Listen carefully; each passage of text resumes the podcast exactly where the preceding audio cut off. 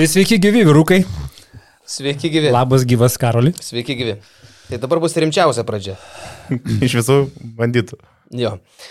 Nu ką, e, turim, turim Malinauską sugrįžusi iš Ispanijos, e, turim Joną Miklovą, kuris niekur neišvažiuoja ir turim mane, kuris niekur ir nebeišvažiuos. Iki spalio penktos. Nusipirkom vakar į Veneciją su Mikaičiu. Bilietus. Venecija visgi.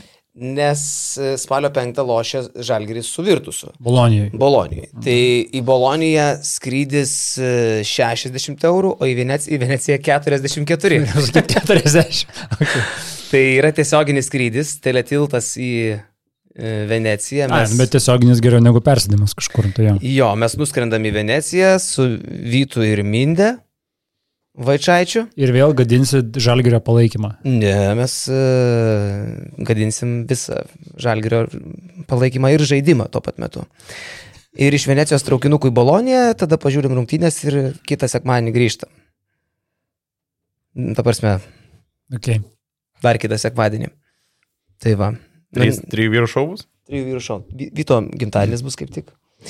Tai taip kažkaip pagalvojom, kad reikia aplankyti. E, Tark kitko, visi žalgerio fanai, kas galvojat e, vat, atsidaryti sezoną, tai labai neblogos sąlygos yra. Realiai iki Bolonijos e, arba per Veneciją, ten traukinys valandą iki Bolonijos paskui važiuoja.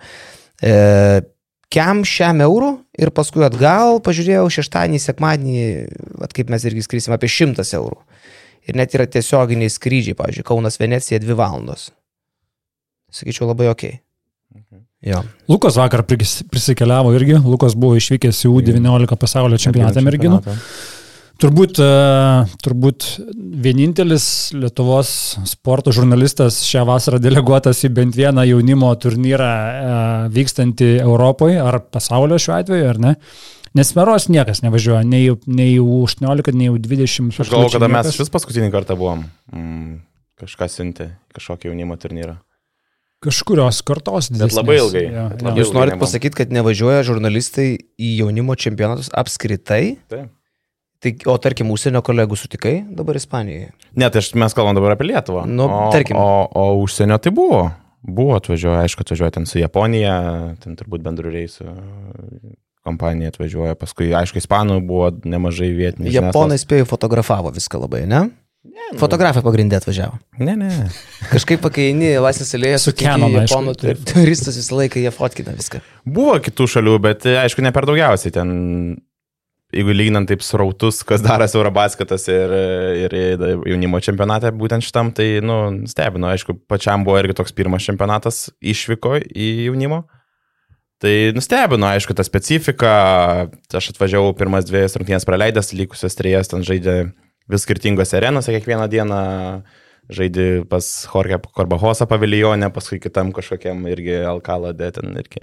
Paskui Vizinką persikėlė, tai žodžiu, trys, dien, trys te, trejas rungtynės išėlės, trijose skirtingose arenose. Mhm. Komanda gyveno ne centre, kažkur Madrido, ant plento, ten prie oro uosto merėte, iki, iki viešbučio nuvažiuoja, ten reikia su metro pavažiuoti, paskui su autobusu, trunki valandą, susitinki su žaidėju, pasikali 15 minučių, tada važiuoja vėl valandą atgal. Nu, toks, va, toks ritmas yra. Tai visiškai priešingai, nei yra.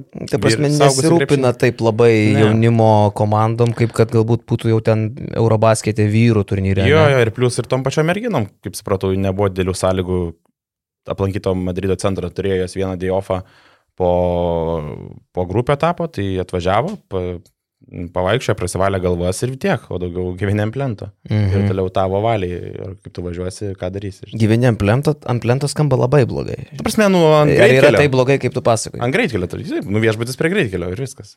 Uh -huh. Tai kaip garsas, triukšmas. Nu, nežinau, nežinau. Apie išsimiegojimą kalba ten vyksta. Ar, Ne, tai ar ne apie tai, ar apie tai čempionatas? Sąlygos nebijoju, kad geras, tikrai ten ir maitinimas mėrėtas tikrai geras viešbutis, e, bet esmė kokia lokacija yra. Aišku, vėl viskas dėl patogumo, nes jie žaidžia, bent jau grupę etapą žaidė, sakau, Horpe Karbahosa paviljonė, ten kažkoks kaimelis yra šalia priemestis toks. Tai ten žaidė. Šiaip unikalu, kad e, Garbahosa, nu jisai, jis labai geras žaidėjas buvo, bet jis nebuvo, nu, ne Pau Gazolis, ne koks nors Sanemeterijo, San Epifanijo, tai yra ne koks nors e, Fernando Martinas ir jo vardu net e, areną pavadinti. Bet ten, nu, mes kalbame apie visiškai treniruočių, apie kaustos tipo salę. Tai kaip pavyzdžiui būtų, Rim, jeigu Kosta vadintųsi Rimanto Grygo treniruočio centras. Tai būtent Rimanto Grygo. ok, ok. E, nusivylę e, panos išvažiavo? Ar... Jo, jo, labai daug viskas susidėjo vieną visam aišku. Ir ta aštuntoji vieta, kaip pažiūrėjus, trečią kartą toks pat rezultatas e, per penkis dalyvavimus U19 jaunimo merginų čempionatuose. Aišku, didelis viltis buvo, bet viskas tas nusivylimas įda, aišku, ir tą rezultatą galutinį, kai finišuota, ir jūs atsitytas trauma, kuri vėl tokia pasėja abejonė, kažkam yra flashbackai į tą paskutinę jaunimo auksinę kartą prie Aurimės, kai buvo, nes realiai situacijas netgi kažkiek kartojasi, e, jūs tai irgi yra įplyšusi klubo sanario lūpą, Čia yra tokia specifinė trauma, kur irgi nelabai daug kas uh, yra susidūręs to, aišku, kas krepšinį seka, bet esmė, kad ir Eurimiai kažkada buvo klubo kremzlės trauma. Uh, Manau, kad daug kas pirmą kartą sužinojo, kad kremzlės sanarys turi lūpą. Nu, tai taip vadinasi, tai buvo mhm. įvardinta. Ir esmė tame, kad jūs te stabdėte tai nuo pat čempionato pradžios. Jis jau šitą traumą turėjo dar sezono vidury, kai Svėlius žaidė nuo sausio pradžios. Uh, Ir, ir, ir e, lyg ir buvo viskas tvarkoja, kai ritme nesijautė tie sausmai, bet po sezono jinai palisė, gavo polisę porą ten savaičių, 20 dienų.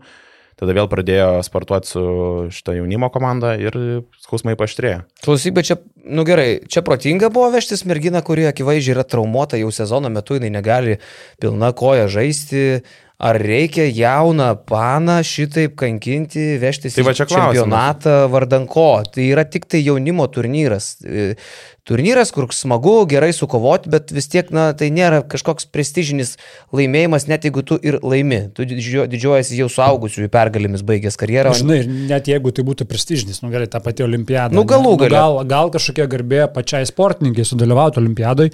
Bet iš esmės, nu, tai jeigu žmogus yra traumuotas, man šitą klausimą... Tai kieno čia idėja? Kankino, kam, kam Nežinau, reikėjo? čia turbūt buvo bendra idėja, aišku, tai, nu, tikrai nebe tėvų atsiklausimo buvo, be, nebe Svelio klubo pritarimo, kad gali dalyvauti, šitas buvo padaryta.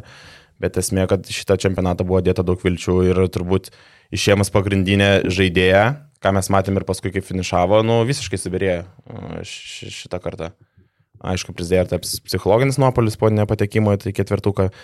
Bet kalbant apie tą traumą, tai jo, nu, matosi, nuo pat čempionato pradžios jinai buvo ribojama, mm, o tai iš karto taimautas, jie iš karto paduodama ledukai, šaldomas sanarys, matosi, kai nesiseka, ne tai, kad tau net jau fiziškai nesiseka, nesiseka kažkas aikštelį, bet tau tu emociškai jau eini, nu, sakykim, žemyn, nes tu jau tik kaip tave riboja, skausmai yra tam tikri siekiant atsispirti, įgyti kažkokį žingsnį, jos prasiveržimo beveik iš vis čempionatė nebuvo, ten kelis padarė ir matosi, uh, kaip suskausta jie atsisėda ant suolo ir matos, kaip emociškai žmogus sėda ir buvo liūdnas vaizdelis, nes uh, tikrai, matos, tiek jai buvo, žinai, daug vilčių, bet uh, negali fiziškai, tada ir psichologiškai sėda žmogus, tai labai viskas daug susidėjo ir toks, sakau, labai liūdnas čempionatas gavosi, ypatingoje pabaiga. Mhm. Nes tai yra ta pati karta, ta pati rinktinė praktiškai, kuri praeitais metais tapo Europos čempionėmis. Jo, o 19. Ir jūs tai ten atrodė dieviškai. Jis buvo MVP. MVP. Tai va, būtent prisiminus tą čempionatą, kai mes dabar pralaimėjom Ispanijam, mes su Ispanijam žaidėm praeisiais metais finalą U18 ir dabar ketvirtfinalį pralaimėjom Ispanijam. Ir, o tai okei, okay, ten realiai nebuvo realiai šansų, nuo pat pradžių Ispanijos pabėgo į priekį ir kaip mes finišavom paskui dar dviem pralaimėjimais Maliui ir Čekijai, ten Čekijai minus 26, net vakar prieš pat išvažiuojant iš viešbučio parsisinčiau praeitų metų finalą, pažiūrėti, kaip mes taip atrodėm ten ir kaip mes galėjom sugriūti čia. Nes toks vaizdas buvo, kaip mes galėjom laimėti pernai tą čempionatą ir viskas vėl atsiremė į Justę, kuri, kurios įtaka yra milžiniška aikšteliai. Ne tiek jinai kiek iš savęs padaro taškų, bet kiek jinai dar, nu, ne tiek kiek pelno, bet kiek jinai dar padaro prasiveržimais, savo IQ skaitimų, žaidimo skaitimo, nusimetimais, varžovų koncentracijos sutraukimu. Tai jo, va, tas yra, kad mes visa komanda dar nedėjom tokio didelio žingsnį priekį. Gal jūs tai dėjo žaisdama aukštesniam lygiui, o kitos tokias, sakykime, netiek progresavo, kiek galbūt norėtųsi. Ir plus, kas irgi nustebino, ten irgi, nu, mes diskutavom, ten tų lietuvių buvo nemažai, nu, apie 30-20, kurie visą laiką buvo paskui komandą ir visi gyvena to, visi diskutuoja, kas vyksta. 20-30 paskui komandą? Nu, ten tėvų, tėvų tarpas toks. Nu, tai ir, ir buvo daug pasijungusių, paskui dar keli ten vyrukai pasijungė šiaip savo, bet esmė tame, kad diskusijos tokios, kad kaip nepavyko ar niekas nenorėjo pasinaudoti šitą situaciją, kai jūs tai iškrito iš, iš, iš reikiuotės. Nes mes pralaimėjome Ispanijai ir tada jūs tai ją uh, pasodino ant suolo ir nu, viskas baigtas čempionatas buvo aišku, kad nebežais. Ir dar buvo dviejas rungtynės ir kaip niekas iš kitų, uh, kaip niekam iš kitų merginų nepavyko pasinaudoti šitą situaciją, kad gali dėti žingsnį į priekį ir būti ta lyderė, ta vedlė. Ten iš gynėjų tarpo mes turime, aišku, gerą ten priekinę liniją, bet iš gynėjų linijos gavosi taip, kad tiesiog kamuolys vaikšto aplink tritaškį ir Niekas nevyksta, niekas nepasiema pabaigoje užbaigti šitos atakos arba ten kažko, kažkokią derinį. Tai vid gavas kamuolys nusimetnėjimas, daug klaidų ir tai iš tada ta virtinė tokia psichologinė nuopolė, sakau. Tai Bet čia gal daugiau psichologija tikrai, nes nu, netrodė, kad toj komandai nebūtų kam žaisti. Žiūrint grupių varžybas, nu, kaip tik žiūrėjosi labai smagiai tą rinktinį ir žiūrėjosi taip, kad tai nėra vienos justės komanda, nes jau buvo akivaizdu, kad justė ir iki tol kažkas nėra pilnai šimtų procentų ir tu žiūrėdavai Ir ta pati Viltė Andrunavičiūtė ten šaudė trajekus užsidegus. E, Rūstė Augustinaitis ir, tai, ir, ir tautaitė lygiai taip pat ir net ten per skausmus žaidė, kovojo. Nu, ir tikrai matėsi, kad nu, ta komanda jinai nėra tik tai justės ir ten dar yra galinčių pažaisti, bet aš tokiais atvejais spėčiau, kad tiesiog labiausiai muša per galvą. Čia turbūt nėra vėl nieko naujo, ta mūsų psichologija, čia gali eiti per visas rinktinės, tą patį rasi, tą patį pamatysi. Man atrodo, kad vakar ir mūsų 18 vaikinai su prancūzais išėjo apsišykę totaliai žaisti, atsiprašau už tą žodį, bet... Literaliai? Li, literaliai, ta prasme, tikrai atrodo išsigandę. Usmanas Garuba ar, ar išsigandę? išsigandę, realiai. Hebra atrodė iš, išsigandę žaisdami grupę, grupę rungtynę, žinai, kur turbūt tai yra tam tikra problema, kuri kartojasi iš, iš tam tikro amžiaus, va tu netinkis žaidėjos, kuri yra svarbi. Ir kad ir tu esi gera žaidėja, kad yra, yra dar ne viena gera žaidėja šalia tavęs, tiesiog kažkas galvoja, gal nesuveikia. Čia tokie mano tiesiog garsus pasvarstymai, paspėliojimai, kas galėjo būti. Malio, malio jaunimo rinktinė. Ma, maliui aš spėčiau, kad Lietuva niekada niek kaip niekur nėra. To. Šiaip Malis taip iš... Yra žaid, gal net nėra žaidų su Maliu, jokia Lietuvos rinktinė. Iš pažiūros sugalvoja, kad Malis turėtų, nu, net... Gerai, kur yra nebūt, Malis, dabar man pasakyk, taigi. Nes praeitais, praeitą kur kartą... Kur randasi Malis? Afrika. Afrika, nu taip, bet e, praeitą kartą, kai buvo tas U19 čempionatas, Malis buvo ketvirtoje vietoje merginų tarpe. Aišku, šiemet dabar jie padarė didžiulę sensaciją, kadangi eliminavo ten Australiją, kuri ten yra antras reitingas berods buvo turnyro. Tai jie didžiulę sensaciją sukūrė ir nuėjo iki penktos vietos. Nes jie dar ir Japoniją pasiemė galiausiai.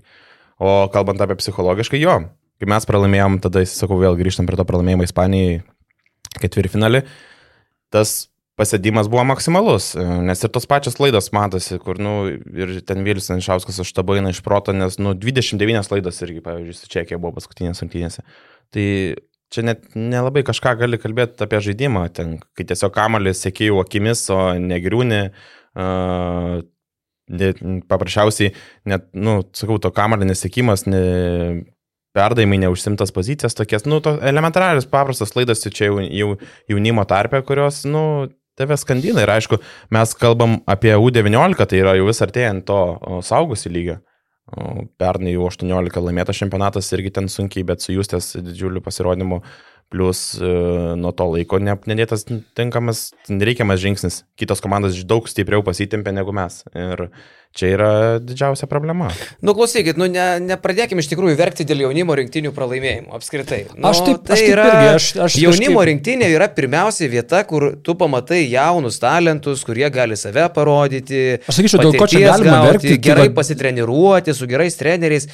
Prie ko čia dabar, aš tai labiau perkeliu dėl Josytės traumos, negu kad kažkokie tai čia, pralaimėjimai. Čia, čia va yra baisiausia tas neiškumas dėl Josytės. Čia kelinta vieta, pralaimėjo, sulūžo, nu, ta prasme, tas nutinka. Trumpuose turnyruose tas būna ir nutinka. Ta pačia Australija, kaip sakai, Australija moterų krepšinėje yra realiai didžiulė jėga, turbūt pirma šalis po Amerikos, šiaip jau įmant absoliučiai ir moterų krepšinį ir jaunimo krepšinį. Ir va tokia Australija liko devinta, mes likom aštunti ir mes kalbam, kad čia įvyko tragedija, krachas, vėl viskas griūna, vėl viskas lūšta, mes čia vėl save kapojam. Ne, nu tai nutiko kaip nutiko. Sakau, čia turbūt tiesiog visos, visos turėtų, turėtų būti mintis, kad tik tai kuo geriau būtų justi, kad jinai tikrai pasveiktų, atsigautų po tos traumos ir nenutiktų nieko, kas, kas ją stabdytų. Labiau. Nes dar kalbant apie tą traumą ir buvo tokie pamastymai, kad net dar jinai kol kas per jauna darytis operaciją, nes klubas sanariai ten tie dalykai dar nėra pakankamai subrendę ir dar nėra tas laikas, kada... Tai buvo toks vienas iš pamastymų, kad ar, ar tai nėra dar per anksti, bet artimiausiu metu bus nu, daromi vėl tyrimai ir tada vėl spręs su esvėliau palaiminimu, ką daryti toliau. Nes tai jau kaip žaisti, jeigu nepadaryti operacijos. Tai va, tai esmė, kaip gydimas, nesakau, tokia labai, nu, man asmeniškai negirdėta, tokia pirma trauma, nes jinai labai specifikuota, iškart buvo pasakyta, kas yra. Ten anksčiau girdėti, nežinau, klubo skausmai ir viskas tiek, o dabar specifiškai pasakyta buvo, kad ta klubo sanario lūpa.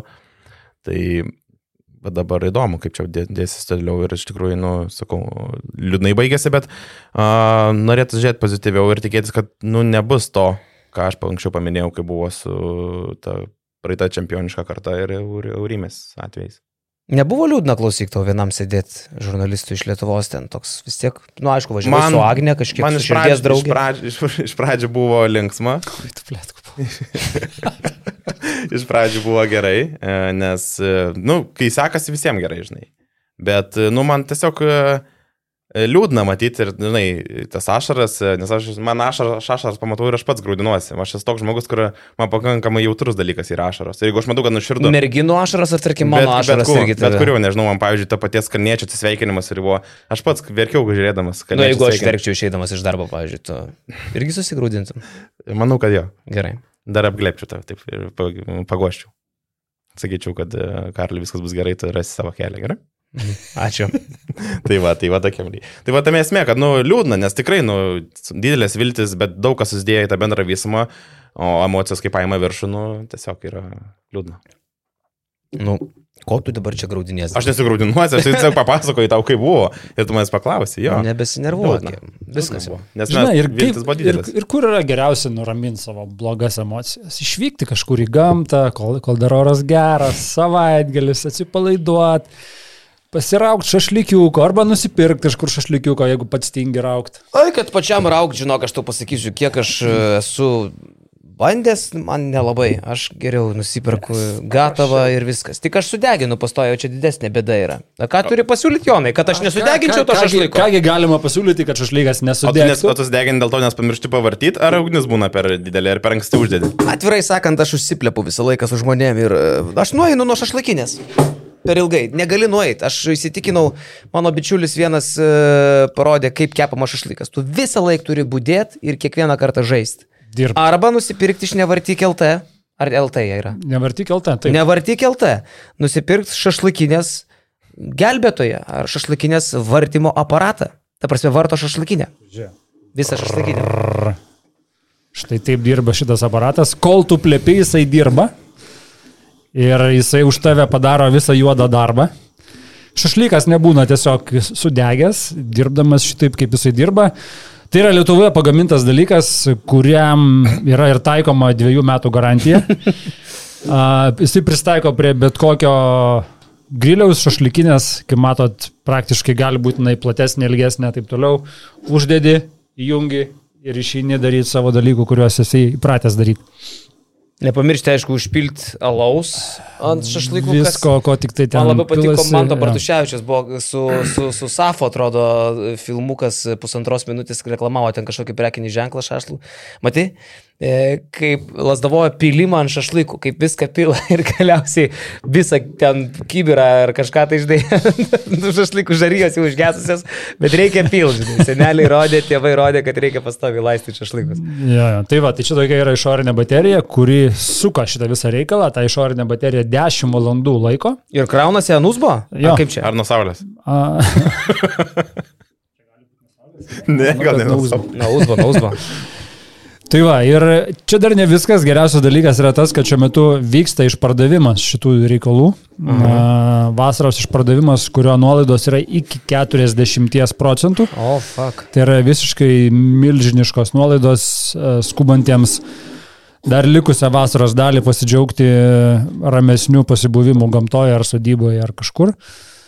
Žodžiu, patikrinkit nevartyk.lt yra pasirinkimas įvairiausių dydžių, įv- įvairiausių konfiguracijų ir įvairiausių kainų ir nuolaidos, kaip sakiau, iki 5 procentų. Tai čia yra tas didesnis, sakė mane, čia šeši iešmai. Jo, šeši iešmai. Gali būti mažiukas kažkoks tai, jo. Ir gali greitai dar reguliuoti, čia kaip suprantu. Čia kiek suki iki galo, tiek jisai Nu, greitėja. gerai, koks greičiausias, pažiūrėjau, režimas, žiūrėk. O, tu čia?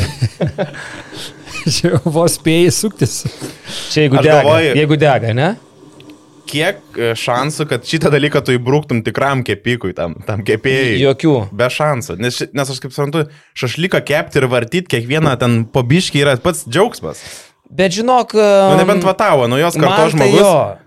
Aš tai to, nu, ta prasme, aš ne, supranti, jeigu tu gamtoj kažkur kažką tai, plus aš taip galvoju, e, nu, realiai geriau iškeps, jeigu tu kiekvieną kampą deginė, ne? Žiūrėk, kai tu, žiūrėk, aš, Aš suprantu.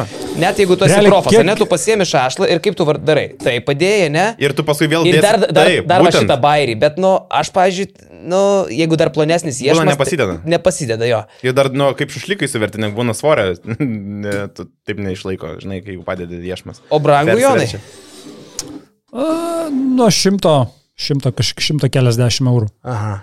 Aš galvoju, kiek šiaip, žinai, kyla ir konfliktų dėl sudegintų šašlykų. Ne, nu kažkas kažko nesužiūri. Pastoviai. Ir jau girdi rėkia, žinai, žmona, a, čia, žinai, ir vėl išnekėjai, va, va, va. Nu, čia va. Ir visi patenkinti. Nu, aišku, ne tokiais žodžiais, kaip tu pasakėjai. Bet taip. Tai nevartik LT, užėkit ir nevartikit daugiau. Jo, didžiulės nuolaidos, skubėkit išluoti jų sandėlį, kol dar ten kažko jie turi, nes greit nebeturės. Taip. Apie 19 mečių čempionatą gal dar e, minimaliai apie tavo kelionę. Kiek tu laiko buvai išvaręs? Aš buvau 8 naktis. Mm, tai netaip, Jo. ir, netaip ir baisiai ilgai. Tai Nu, dar pakeliavot biškė, ne, kažką tai pasimalėt. Nu, nelabai sakau, nes buvo toks ritmas, kad reikėjo važinėti. Uh, tai į areną, tai į viešbutį pasikalbėti, pasimatyti. Tai tokio labai turistavimo didelio nebuvo. Ir plus aš nelabai esu turistinis žmogus pro miestą praseit. Plus nežmoniškas karštis buvo, reikia pabrėžti. Pirmą dieną tik atvažiavau ir buvo ta kelionė mm, su metro ir paskui autobusu nuo plento pas e, komandą į viešbutį. Tai stotelį 53 rodė karščio. 53. Ir tau tas karštis nu, neina nebesuprasi nuo kur. Ar nuo viršaus, ar nuo plento, nes žalumos nėra niekur aplinkui. 53 prakaitas žliaugia. Jutiminė tokia, ne? Nu, ten turbūt, nežinau, jutiminė gal buvo dar didesnė, bet uh, esmė, kad uh, nuo visur eina tas toks karštis ir atrodo, kad tu tirpsti. Uh, ir paskui kelias dienas buvo mane išmušęs stipriai šviežia, aš galvoju, kad ten šilumos smūgį buvau gavęs, nes vakare uh, toks kaip, kaip būna, kai nus, uh, per daug deginis laiko ant saulės, va toks būna tirpsta kūnas, vakare norisi po kaldrą lysti, visas išprakaituoji visą naktį bėgodamas, tai uh, buvo sti, labai stipru šitas karštis. Tai gal ir panom nepadeda žaisti, ne? Ne, aš nemanau, žinai, taigi jos ne, ne, neturistavo, jos buvo tiesiog viešbutis, viešbutis e, autobusas, mhm. salė, tai čia tas ne. Tai va, o daugiau kalbant dar, e, nežinau, ar matė, šiaip šitam čempionate buvo išmėgintas naujas parketas. Pat girdėjau šitą LED e, parketas. LED, jo. Jisai, vis, aš nedaug žiūrėjau, jisai visą šviečia. Visas šviečiantis. Ir jis yra, kaip jis yra stiklinis. Jisai, jis nėra stiklinis, nes jisai, aš nežinau, kokio yra, kokios medžiagos yra tas paviršius, nes, bet ten de- nes dedas keli sluoksniai, bet esmė, kad tu turi, nu turbūt nestiklinis, nes stiklinis būtų, tai ten būtų daug slidžiau, jeigu ten prakaitas. Ne, nu aišku, kad jisai pritaikytas, akivaizdu, bet taip, jisai bet neblaško, kada mirga marga. Tai va, čia, nežinau, žaidėjas nelabai teko daug diskutuoti apie tai, bet esmė buvo apie slidumą. Tai vienas būdavo slysta labiau, kitas mažiau, nežinau, ar batai dar nėra pritaikyti sportbačiai tam. O, o pagrindiniai tokie aspektai, kad žiūrint iš, iš tau, kaip iš e, turnyro rengėjo pusės, tu, tu gauni labai daug, e, sakykim, technologinio e, lankstumo. Tu gali tas reklamas laidot kaip tu nori, nežinau, visuose kraštuose, tai žodžiu, komercijai labai stipriai šitas gali pasitarnauti. Plus, Šau? Šau gale, Taip, taip, taip, tai įme- pertrauką. įmeta tritaškį, ten visur trys dega ant parketo, paskui per himną viena pusė būna vėliavos spalvom tos komandos. uh, Šau dalį jo, čia labai stipriai gali pasitarnauti. Tik tai buvo vienas incidentas po rungtynių su Lietuva, kad viena iš tų plokščių, iš tų LED ekranų, nes ši, iš LED ekrano plokščius dėtas. Mhm. Mhm. Jis kažkaip prigeso ir ten reikėjo operatyviai ją keisti. Ir dėl to kitos rungtynės vėlavo 15 minučių. Nes viską Dar teko, tek, neišdirbta. teko, išim, teko išimti, paskui įdėti ten, paskui apklijuoja ir laukia, kol sustings, sustings viskas. Nu, dar įsivaizduok, Tai tarkim, čia niuansą, stipriai. Jokubaitis krito Kaune, ne? Dantis. Ir dantį paliko, e, reiškia, Jo. parkete. Ir net parkete buvo žymėta, jeigu tu į LED ekraną taip dėsi, tai elektrą visą. Tai va dar įdomu, čia, čia, čia aš galvoju, atrodo kaip ir ateitis, ir čia visų bus lygo ateitis, bet dar čia daug ką reikia išdirbti, sakau, nes ir matos iš nuotraukų, kaip žaidėjami veidą šviečia, aš nežinau, tai trukdo, net, netrukdo, trikdo, metant baudas, nežinau, kaip tu pažiūri į grindinį, tau duoda visokias spalvos. Uh, tai va šitas klausimas irgi dar turbūt Aš turės, tai turės būti išspręstas. Kad ta ateitis liks vat, jaunimo turnyruose ir tai kartais. Nu, kažkaip, nežinau, sunkiai žiūrės, ar čia yra ta ateitis, kurios norisi. Nu kodėl, jeigu pavyzdžiui tas LED ekranas tau visą laiką rodo tvarkingai parketą, jisai tuo metu a, tiesiog yra parketas, bet kažkurio metu jisai pasidaro ten reikalui esant. Matai, da labai daug. Į metų Jo. strajakas, suž, suž, suž, sužypsi kažkas tai, o ką? Bet aš iš karto turiu palyginimą, žinai, NBA, kur NBA turi parketą ir daug daro visokių vizualizacijų sprendimų, tiesiog, nežinau, 3D pagalba ar kažko, nes kur yra, pavyzdžiui, NBA rungtynėse ant parketo tos reklamos, jų realiai nebėra. Tai va šitas LED ekrano parketas sprendžia ir lipdukų problemą. NBA tos problemos jau nebėra, nes jie tas reklamas uždeda kažkaip per vizu- vizualizacijas. Tai tiesiog tai užmontuoja jau per, per, tapsim, per transliaciją. Žmonės Jo. esantis arenai to nemato, bet mato, kur, nes nu, visą laiką, ta prasme, kur kas daugiau žmonių produktą mato per televizorių, per ekraną kažkokį, negu būdami pačioj arenai. Tai man irgi ta mintis, kad, okei, okay, kažkokie ferverkai, kažkokie lemputės, balbablažinai, bet, nu, realiai, jeigu tu nori pateikti produktą žiūrovui, kurį žiūri per ekraną, tai tu visą tai dabar gali padaryti tiesiog be fizinio to švietimo ant parketo, o per jau tą filmavimą, montavimą, kaip čia pavadinti. Nes aš kaip suprantu, principas tas, kadangi tavo visa koncentracija yra į parketą ir šitas parketas, LED ekranų parketas tau suteikia galimybę žmogui, kuris koncentruojasi tik tai į vieną mm, tą stačią kampį, pateikti informaciją ten. Gautum viską ir statistiką, nežinau, ten pramestas baudas, laiką ir tau nebereikės niekur blaškytis, nes tavo koncentracija yra tiesiog į parketą, į žaidėjas. Ir kaip gauni- pačiam MBA būna tiksintis atakos Taip, laikas vat aš- ant e, jo. to pusapskritimio. Kur meta e, baudas. Baudos metimų. Jo, tai jisai irgi jis yra tiesiog užmontuotas Taip. transliacijai ant ekrano. Žmonės arenui viduje to nemato. Tai čia atrodo, nu, vat, elementarus sprendimas, kuris neblaško pačių žaidėjų, bet ir to pačiu suteikia daugiau informacijos žiūrovui per televizorių. Jo, čia toks sakau, kaip ir ateities atrodo dalykas, bet dar reikia jį pakankamai daug išdirbti. Tai va, ką, turbūt nuo paskutinio mūsų išstojimo išlindo dar kelios naujienos, kurios nieko nebenustebino. Žalgiris užsidarė komplektaciją, bet jau jinai taip atrodo senai buvo uždaryta ir tai viskas buvo šiemet aišku, kad net nėra turbūt ką diskutuoti apie tą patį Brady Meineką, Maneką, Meinek. Žalgiris yra pirma. Eurolygos komanda, kuri baigė komplektaciją. Tai labai įdomus dalykas, Sako, vasaros čempionai. Feneris su FSU panašiai gali būti. Nu, gal ir jie- Olympiakos jie, jie gali laukti irgi dabar jau sezono ir žiūrėti, kuo pasipildyti. Uh, tai tos abi dvi komandos gali būti panašiai, bet šiaip jo, Žalgiris turbūt apskritai mažiausiai pokyčių per visą klubo istoriją. Vasarą vos trys nauji žaidėjai papildė. Mm, gali būti, gali būti ir tai yra labai didelė pergalė. Aš net galvoju, kad tai šiek tiek nuvertintas yra Žalgirio laimėjimas, va tas išlaikytas brandolys. Nežinau, ar tai iš karto pasimatys aikštelį nuo pat sezono pradžios, bet aš prognozuočiau, kad gal net ir iš karto. Daug priklausys, ar Evansas ateis formoje ar neformoje, nes vis dėlto ilgai nežaidęs bus, bet ir gal dar bijos šiek tiek dėl to savo kojos. Ir čia yra Bet tai didžiulis dalykas. didžiulė nauda, Bet ir, milžiniška nauda. Nauda milžiniška, bet ir apie tą patį Evansą. Nu, irgi, nu, gal aš toks esu pernelik atsargus, pernelik paranoiškas, bet labai reikia ir dėl to lūkesčius laikyti kažkur tai neaukštai, nes sugrįžimai po Achilo sausgislės šiaip yra didelis dalykas. Ta prasme, tai yra rimta trauma ir daugybė sportininkų, ne tik tik krepšininkų, daugybė sportininkų po tokių traumų negryžo tokie, kokie jie buvo iki tol geri. Tai čia reikia šitą labai atsargiai dar vertinti, nežinia, kiek ta žalgeris bus, jeigu Evansas nebus toks geras. Plus, ramina kažkiek tai, kad nebuvo jokių tokių neigiamų signalų iki tol, iki dabar, iki įsiskirimo vasarą, išvykimo į tarpsezinį, nes viskas labai buvo pozityviai, kalbam apie Evanso rehabilitaciją, kad viskas palį planą, galbūt net kažkiek jisai lenkia tą planą, čia pradėjo su šaliukais daryti, nebuvo tokių jokių blogų sig- signalų, kurie dažnai pasitaiko kapstantis iš šitos traumas. Jo, tai vad man tas e, žalgerio išlaikymas patinka. Tarp kitko, prieš Šilerio žalgeris irgi buvo nemažai žaidėjų išlaikęs, ten pagrindas, e, kada Šaras išėjo ir Jo, tik atėjo Šileris. po Šilerį, jo. Tai irgi tadagi buvo džiaugiamasi, kad pagrindiniai žaidėjai dar varomi Šaro idėjų, kad pagrindiniai žaidėjai dar atsimena, kaip žaisti krepšinį prie normalaus trenerio ir kad dėl to žalgerį žaidžia ir iš tikrųjų žaidė gerai.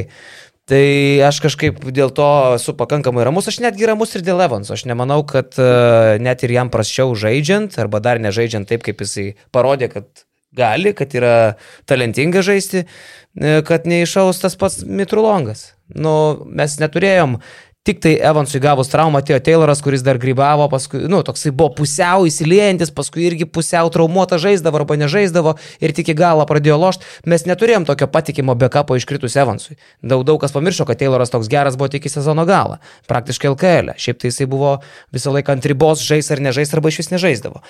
Tai net jeigu ir nefunkcionuos Evansas iki galo, yra e, Mitrulongas, yra antro sezono Brasdeikis, kas manau yra irgi labai nurašytas faktas. Antro sezono Brasdeikis, aš esu įsitikinęs, kad bus žymiai geresnė savo versija.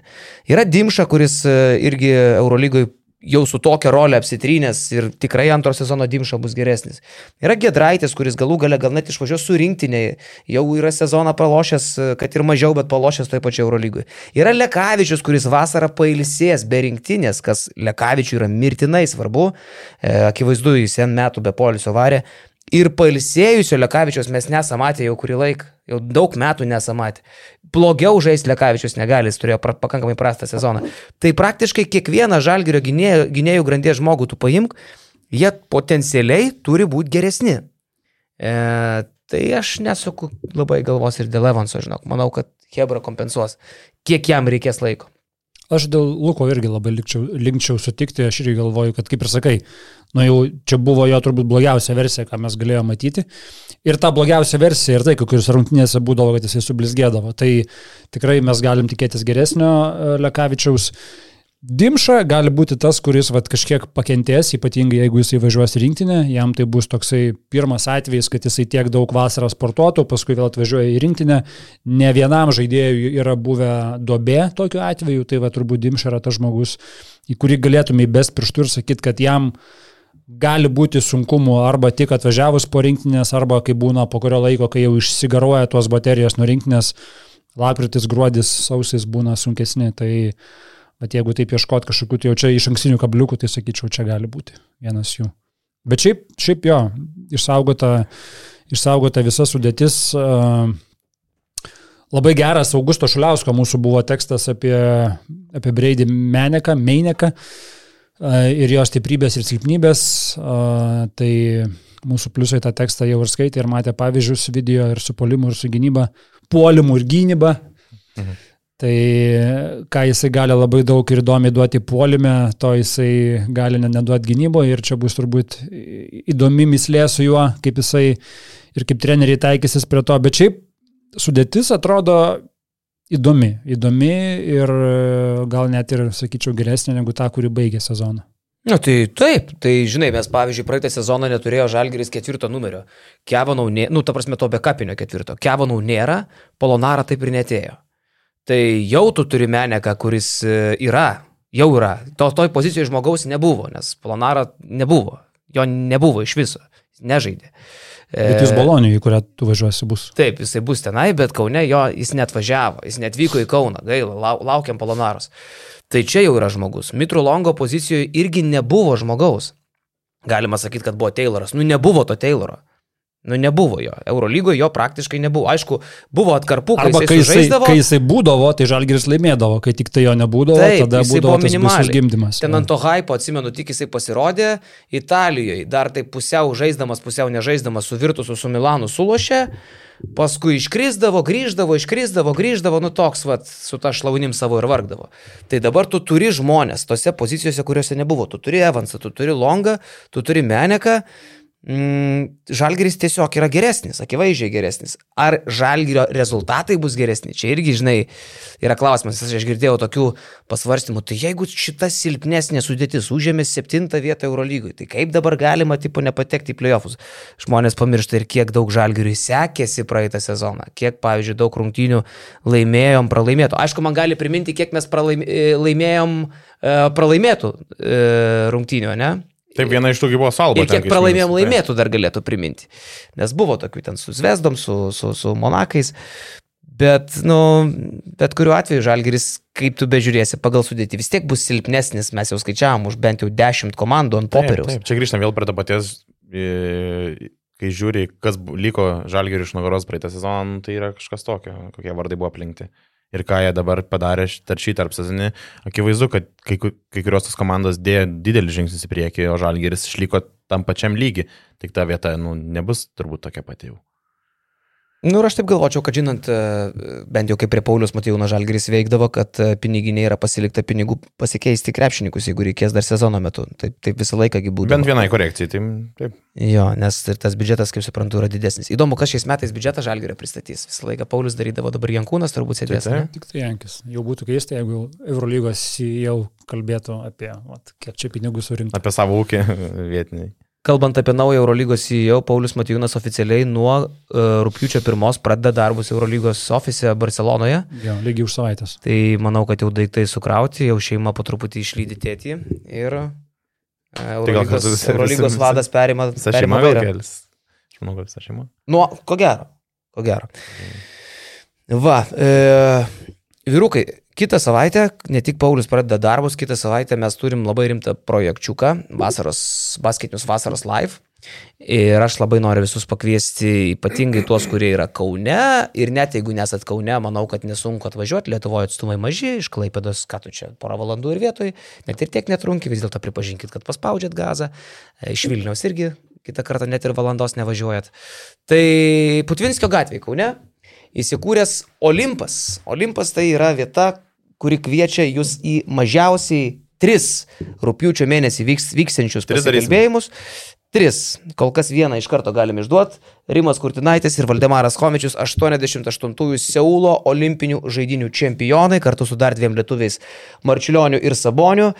Legendiškiausiai įmanomi kauniečiai, na, aišku, dar Sabą gali pridėti, bet čia ta pati Hebra, visų laikų Lietuvos krepšinėje. Ir šitie du dėdės, aš manau, kad pirmą kartą, kiek tik tai gali prisiminti, susėda dviese ant vienos sofkutės prieš kameras ir ne tik prieš kameras, bet ir prieš gyvą publiką. Tai aš labai kviečiu kad visus. Jie dviese šiaip susėdę buvo, tai u, Aš pats su jais per Homkės gimtadienį, tarp kitko, irgi buvo atvaręs dėdė Rimas Kurtinaitis. Manau, kad ir apie tai bus galima pakalbėti. Tai kviečiu visus įsigyti bilietus. Mūsų pliusai galėjo pirmieji tai padaryti. E, pliusai tai padarė ir mažesnę kainą šiek tiek, bet tai tokia jų ir privilegija, nes jie mūsų prenumeratoriai. E, Milašiai, tai yra Milašiaus paketo turėtojai, gavo kvietimus. Tai dalis jų ateis. O vat visus, kurie galbūt nenorit būti mūsų pliusais, bet visai norit pamatyti šitą re- renginį gyvai, tai kviečiu įsigyti bilietus. Bilieto kaina yra 20 eurų, bet tu už tai gauni mažiausiai 2 valandų pokalbį ir dar tikėtina, kad kažką tai smagesnio per pertrauką e, pokalbį. Ir proga pabendrauti su jais užduoti klausimų. Kažkoks pasirodymas per pertrauką? Nu, aš žinau, anonsuoja tokio jau. Tiesą sakant, tai mes turim kelis variantus, bet kadangi tų pasikalbėjimų bus ne vienas, aš netgi kvieščiau ir galvat, pavyzdžiui, yra grupės, kokios nors jaunos, besikūrenčios arba senos, bet pamirštos, e, kurios, tarkim, norėtų vat, pasirodyti auditorijai. Tai vat, mūsų tokios laidos peržiūra turėtų būti apie 40-50 tūkstančių, įprastinės tokios peržiūros, gal ir daugiau. E, ir aš vat kviečiu į tą vasaros live e, atvykti, tai parašykit, kad ir man, Karolis Etabaskет News LT, jeigu turit kokią nors grupytę, norit pagrainti, arba padainuoti, tiesiog neturit grupės. Mm, Ir pasirodysit. Matau, Nes, kaip- nes kitu atveju, kitu atveju teks klausyti Karolio šansonų. Tiesiog pats Karolis lips ant scenos. Konstantino Škelevo dainas, ketinu dainuoti. Ir toks gabalas. Vilijampolė žalia kalnis senamesti šilainiai, aš miestas šį beprotiškai gerbiu. Vilijampolė žalia kalnis senamesti šilainiai, be kauno aš, gyve, be kauno aš gyventi negaliu. Nebegaliu. Smagu, aš matau, kaip tu spirgi, tau, čia tavo tematika, tiek tas renginys ir tiek ta, ta tema, ne 80-ųjų. O kodėl 80-ųjų? Tai e, Homke žaidė 96 metais, dar būdamas arti 40, plungės Olimpė ir buvo komandos žaidžiantysis vyriausias treneris. Nu, tai- Žaidžiantysis vyriausias treneris. Nu, tai čia pas, aš matau pasiruošęs. Tai čia seni dalykai, čia senas istorijos. Aš žinau, kad čia ištaškyti visą publiką, a, koks būtų pasirodymas. Ten reikia din- dinamikos. E, dinamikos, nes pas Homke gimtadienį buvo? Nežinau, ne, aš tiek nes nežinau, reikia tiesiog ant scenos dinamikos šitam renginiui. Kokį bairį buvom padarę, aš to pasakau. Ne. Ne? ne. Per Homkės gimtadienį terasėlį šventėm. E, pakviečiau Irmą Jurgelevičiūtę. Atvažiavo tvarkingai į terasytę, dešimt žmonių ir savo ponia. Nu, va, labai gražu. Atliko lietuvių liaudės dainas, tokias kaip Meilės lietus, padovanok man, ačiū. Vieni tau. vynas. Čia ne jos daina, Vieni vynas ne jos? čia Kerbedžio. Tai labai gerai. Nu, Tai va, bet jo, tai Karolis užsiminė, kad e, bus vėliau ir įrašas, bet įrašas bus tik tai po kurio laiko. E, Iš tikrųjų, pirmenybė tiem, kurie ateina į patį renginį, dalyvauja jame, kaip minėjau, gali užduoti klausimą. Labai arti būna, paspaudžia ranką abiem vyrukam, nusifotkina visą kai kitą. tu gyvai sėdi, čia tu nepalyginsi per tą kamerą, kai tu jauti tą kvapą brangių kurtinaičio kvepalų, žinai. Nes ta terasytė Olimpo, tarp kitko, Olimpas tai yra visiškai legendinė vieta, tai yra žurnalistų namai. E, Putvinskio gatvėje. Kem 8. Putvinskio Kem 8. Tai yra Vido Mačiulio legendinė Buveinė. buveinė. Jis ten labai daug renginių dabar daro, jis ten- anonsuoja vieną po kito. Taip, Facebook'e mačiau. ten puikiausia terasa, ten vyksta daug renginių, ten vyksta, uh, būtinai pasigūglinkit, ten ir visokie šachmatų ir šaškių, ten savait, ne savaitgalį dienos, antradieniai, man atrodo, yra. Koncertai. Koncertukai nuo, nuo, nuo vienokio iki kitokio stiliaus.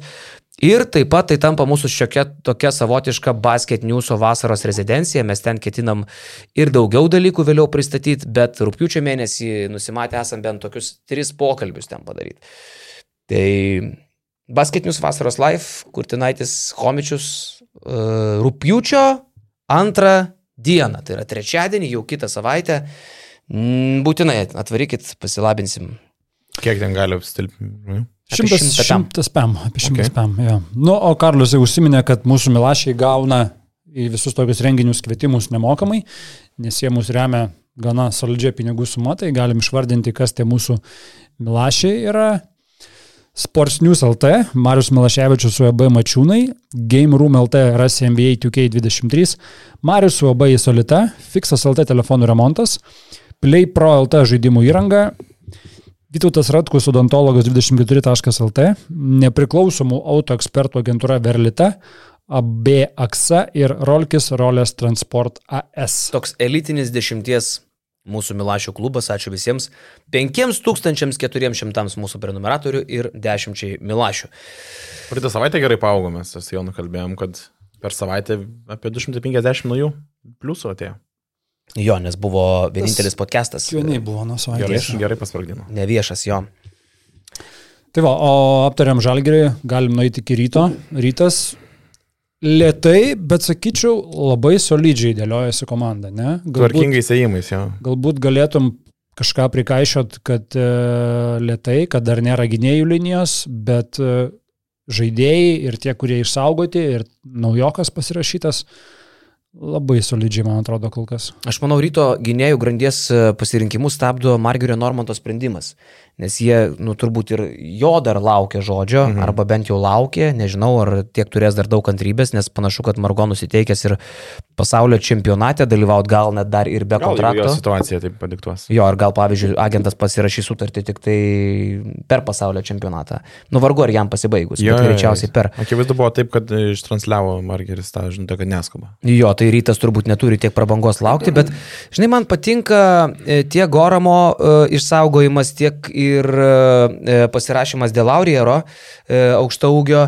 E, Aš matau tokią kryptį, kuri, va, tu esi atvedęs į Lietuvos krepšinį tą mandrą žodį, kuris vėliau buvo kritikuotas, paskui tapo kaip ir norma šuo. Rytas perka šunis ir net legionieriai yra šunis gerąją prasme.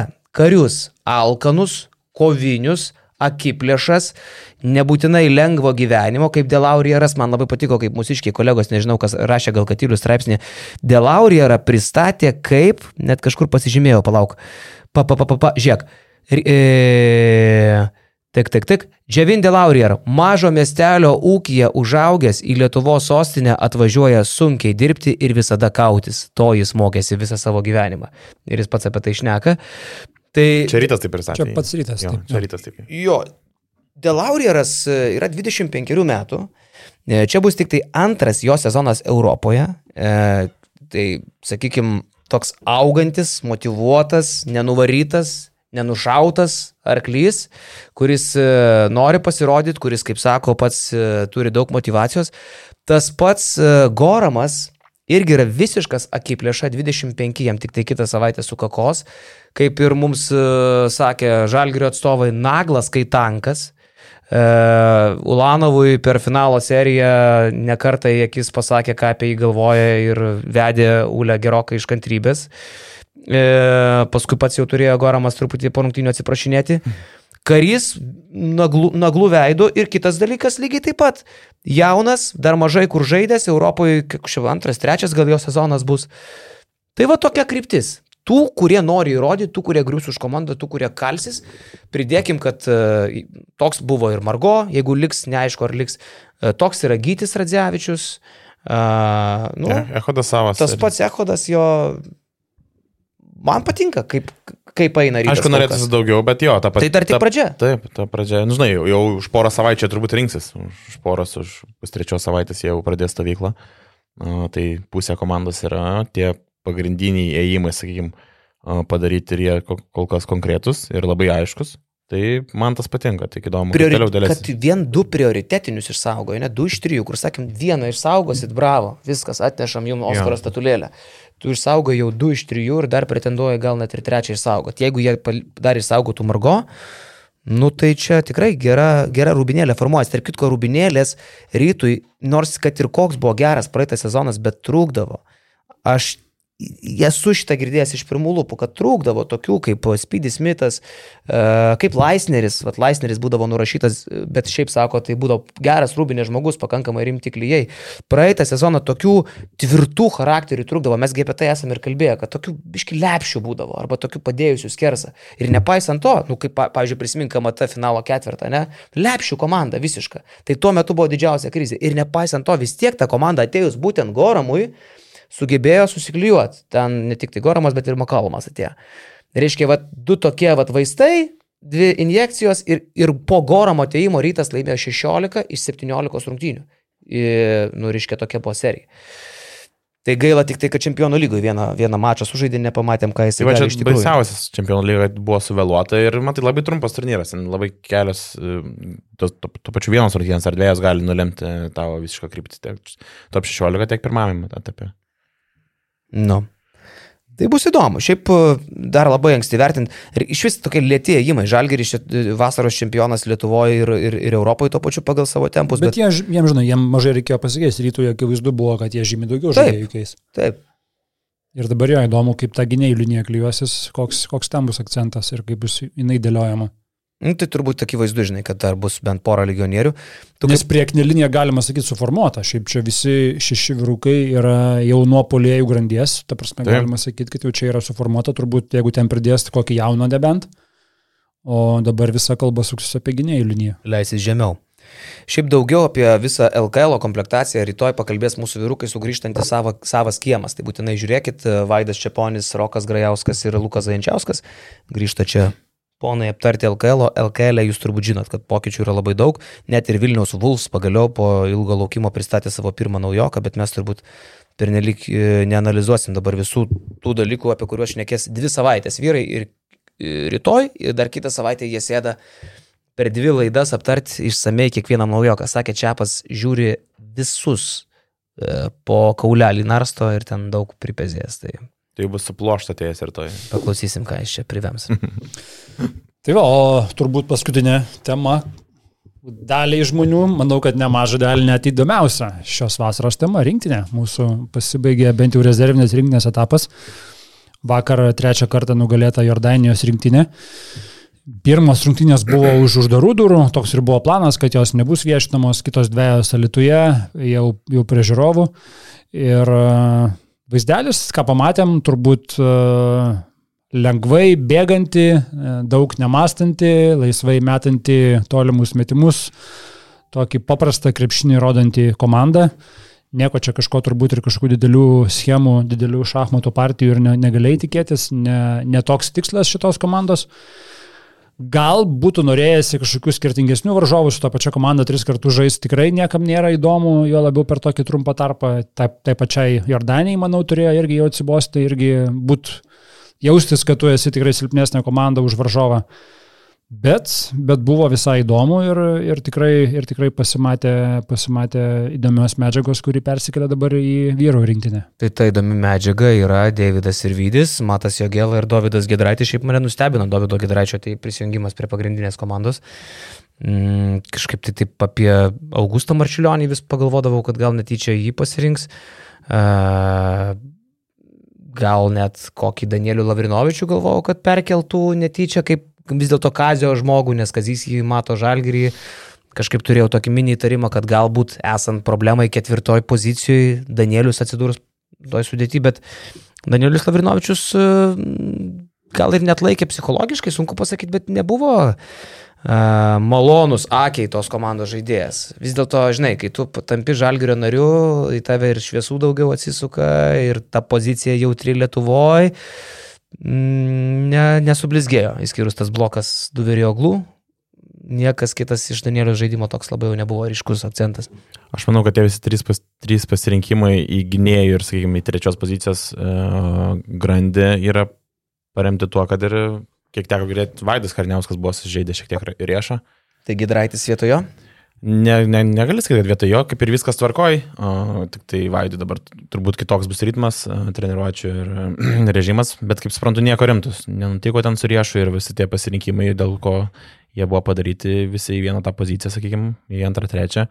O, turbūt yra vienas iš tų dalykų, Vaido situacija. Šiaip tai šitie trys vyrai, aš manau, kad jie ir ko kovos dėl 12 vietos rinktinį. Aš manau, kad toks ir vidis, tai, nu, sakykime, labai yra arti, net ir tam, net 12 pozicijai, gal sakykime. Bet e, juos vienyje iš tikrųjų panaši pozicija. Taip. Visus tris. E, Jogėl apskritai per tris pozicijas gali lošti, Sirvidis irgi bent per dvi, Gedraitis irgi per dvi, kartais net per tris. Tai jie, jie praktiškai panašaus braižo, universalų žaidėjai, visi turi net ir panašias e, geras savybės, visi pataikantis. E, gal sakyčiau, universaliausias vis tiek matas Jogėlą iš jų visų trijų yra. Davidas, da, Davidas turi gynybą, aišku, čia. Nu, tokia. Tas šuo, kaip tu sakai, mėgsta kypti į kulną. Jo, bet e, kažkas iš jų tikrai bus rinktiniai. Dabar, taip, taip. kai nėra Radzevičiaus, kažkas iš jų tikrai važiuoja. Tai taip uh, pakankamai rimta konkurencija čia užvirs. O ką tu sakai, norėjai galbūt kažkokio aukšto ūgio, tai priekis, aš manau, tai kaip viskas, viskas aišku, jeigu viskas tvarko tiek su Valančiūnas, Matijūnas ir ką tada Tubelis. O kodėl ne Maldūnas? Ar Nu, žiūrėk. Nu, ar viskas aišku? Va, tai va čia ir yra. Va čia, bet, bet, bet ir minėjai, kad papildomo tai... žmogaus nebereikėjo jau, tas, kad Danielį Lavrinovičių dar norėjai prijungti, bet, nu, kad čia nebėra jau. Ne, aš tik tai galvoju, ne, ne, tai neprijungti. Aš galvoju, kad Danielius Lavrinovičius nukonkuruos kažkurį iš jų. A, iš šitų? Nu. Nes, nu, okay. jau jeigu, žinai, Kazys kviečiasi į žalgirį, tu taip tikiesi, kad užmesta akis labai stipriai yra ant jo. Mm. Kita vertus, žinai, numėl, nu, reikia ir suprasti Lavrinovičių. Per mėnesį du ant tavo galvos krenta tiek daug matomumo, tai žinomumo, spaudimo, tu staiga iš nevėžio atsiduri žalgirį, tave googlina šimtai, jeigu ne tūkstančiai žmonių, kas čia toksai, tada tu atvažiuoji į rezervinę rinktinę, ten tave vėl visi žiūri kitaip, nes tu esi žalgerio dabar jau žaidėjas. Nu ir tikėtis, kad žmogaus tai kažkiek neslėgs ir jis dabar staiga ateis į vyrų rinktinę ir ten žais, nu turbūt negali per daug reikalauti, turėjai žingsnis po žingsnio ir imti tuos žmonės, kurie arčiau tos rinktinės būdavo ar šiaip. Plius turi įrodinėti visiems, kad tu nesi giminė broliams Lavrinovičiams, kas turbūt jau jį yra daėdė. Ir turbūt Google paieškoje buvo, ar tai nėra kaip nors, nu, vedė į paiešką, ar tai nėra brolis. Žinok, mes dabar padarysim labai didelę paslaugą Danieliu Lavrinovičiui. Aš manau, kad jis mums bus iki grabo lentos dėkingas. Jis niekaip nesusijęs su broliais Lavrinovičiais. Niekaip, absoliučiai niekaip visiškai. Netgi, ir, netgi yra visiškai e, ta pati sąsaja, kad e, Danielį Lavrinovičių yra vienas iš Lavrinovičių sunus. Mm, Lavrinovičių. Lavrinovičių jau. O čia Danielis Lavrinovičius. Tai netgi čia su lietuvinus gali gauti paieškoji visai kitą rezultatą nei ieškoji. Mačiau, mačiau, buvo ne vienas komentaras, kad galbūt ir Laurinas Beliauskas nusipelnė tos bent jau pabandymo vyrų rinktiniai pagrindiniai komandai Bet tada tu gali sakyti, kad ir Ignas Sargiūnas gal irgi nusipelnė. Ignas beje buvo daugiausiai žaidęs ir naudingiausias šitos rinktinės žaidėjas. Per tas trijas rungtynės beveik 22 minutės virš 18 naudingumo balų, įmetant 13 taškų, atliekant 5, atkovojant 5 kamuolius. Tai abu du abu du krepšininkai, kurie kad ir kaip neblogai atrodė, kad ir kaip solidžiai atrodė, šitam lygiai su šitais varžovais, na jie toj pozicijoje žaidžia, kur nelabai turbūt reikia rinkti pastiprinimą. Nu, Ten... Kam gaišinti jų laiką, žinai, vis tiek tu turi suvokti, kad reikalas tai bus pasaulio čempionatas. Nu. Tuo pačiu reikia suprasti vėl, kad e, Kazio ir rinktinė štabo galvos neturėtų būti apkrautos klausimų, kas bus 11-12 žaidėjas. Jiem, jie turi tikrai aiškę mintį, kas bus 10 žaidėjų jie negali prisikviesti ant aštuonių kandidatų, kurie kovotų dėl tos vienos ar ten dviejų vietų. Tai jie turi aiškiai idėją. Beliauskas su Sarginu tikrai čia gerai atrodė šitam lygiai, manau, kad ir patys užsidėjo pliusų ir prieš patys save, pasitikėjimo tam tikrą prasme, bet nu reikia suprasti, kad rinktiniai yra irgi limituotas skaičius, kiek tų žmonių gali ten sportuoti. Plus e, buvo labai daug diskusijų, ką duos šitą rezervinę rinkinę, kokia mintim mane, bet mes dabar kalbam irgi apie Biliauską, mačiau ir žmonės pas mus pliusų grupį kėlė klausimus, kas tas Biliauskas, kuris žaidžia, ne, tai šita platforma suteikė šitiem žmonėm matomumo. Atsiprašau. Ir uh, Sergiūnas tas pats, daug, daug žmonių sužinojo apie šitos krepšininkus, kurie žaidė žemesniam lygiai arba kaip toks Beliauskas užsienį. Ir šita platforma jam buvo gera. Aišku, bus įdomu išgirsti jų pačių atsiliepimus, kaip tas procesas tenkina juos, kokia tai buvo reali nauda jiems asmeniškai ir jie pajuto. Bet iš pirmo žvilgsnio tas dalykas, ta programa, kaip jie vardina vasaros programa, atrodo visai maloniai. Šiaip pagarba Beliauskai, aš vakar klausiausi Edgaro Pulkovskio minčių, krepšinis net podcast'e. Aš nežinau šito fakto ir man taip visai užsifiksavo. Žinojot, kad jisai turėjo į medaus mėnesį išvažiuoti? Jo. Ne? Nu, jisai vedė šią vasarą e, ir su savo žmona turėjo. Žmona viena išvažiavo. Mėnesį, bet gavo kvietimą į rezervinę rinktinę, puikiai suvokdamas, kad pagrindiniai komandai atsidurs tik tai kelių žaidėjų didelės nelaimės atveju. Ir jisai met, norėjau sakyti, metė žmoną. Ir jisai metė planus vykti į medaus mėnesį, žmona išvažiavo su draugė, supranti, ir jisai atvažiavo žaisti rezerviniai komandai įsidėti Lietuvos rinktinės marškinėlius. Aišku, vat atkreipė dėmesį, gerai sužaidė, gal ir kontraktą geresnį gaus, gal uždirbs daugiau pinigų, bet, nu, bet šiaip tai yra didelė pagarba, žinai, kaip Robertas Jeftokas sakė, man sako, vaikai kiekvieną vasarą gimdavo, aš, žinai, Lietuva yra Lietuva. Nu, panašiai sakė, ne visai taip, kažkiek šaržuoju, bet esmė tai paprasta, žinai, geras pavyzdys, kaip, kaip pirmiausiai tai šei, pagarba ir žmonai, nes šeimoje tokį savitarpio supratimą surasti, kur... Po savaitės jau įpykti gali rimtą perėti. Nu, realiai, įsivaizduok, nu, ta prasme, tu, tu, tu, tu, tu įsivaizduoji tą pokalbį, kad tu nevažiuosi į medaus mėnesį. Tas tiesiog tradicinis pokalbis e, žmonos kilintoj vietoje. Ai, Lauri, žinai, aš to pasakysiu, eik tu nahui. Ir išeina. Nu, taip, aš taip, manau, kad taip. taip galėjo būti. Bet pagarba, kad ir surado, ir susiprato, ir susikalbėjo. Wow, tai tikrai šlovė. Mes tiek daug čia tauzijom, plėpėjom apie žmonės, kurie net važiuoja, kurie ten turi problemų ir, ir tas problemas ar, ar išsigalvoja, ar dar kažką tai. Bet e, kartais gal reikia pakalbėti apie tos, kurie atvažiuoja ir netgi tokiam aplinkybėm. Šiaip tai, nu, čia šitas atvejis dabar paminėjai išskiriai, bet yra ne vienas, kur būna į tą pačią langų rinktinę, sulaukia kiti žmonės atvažiuoti tų kvietimų, nors būna pasiplanavę kitus dalykus.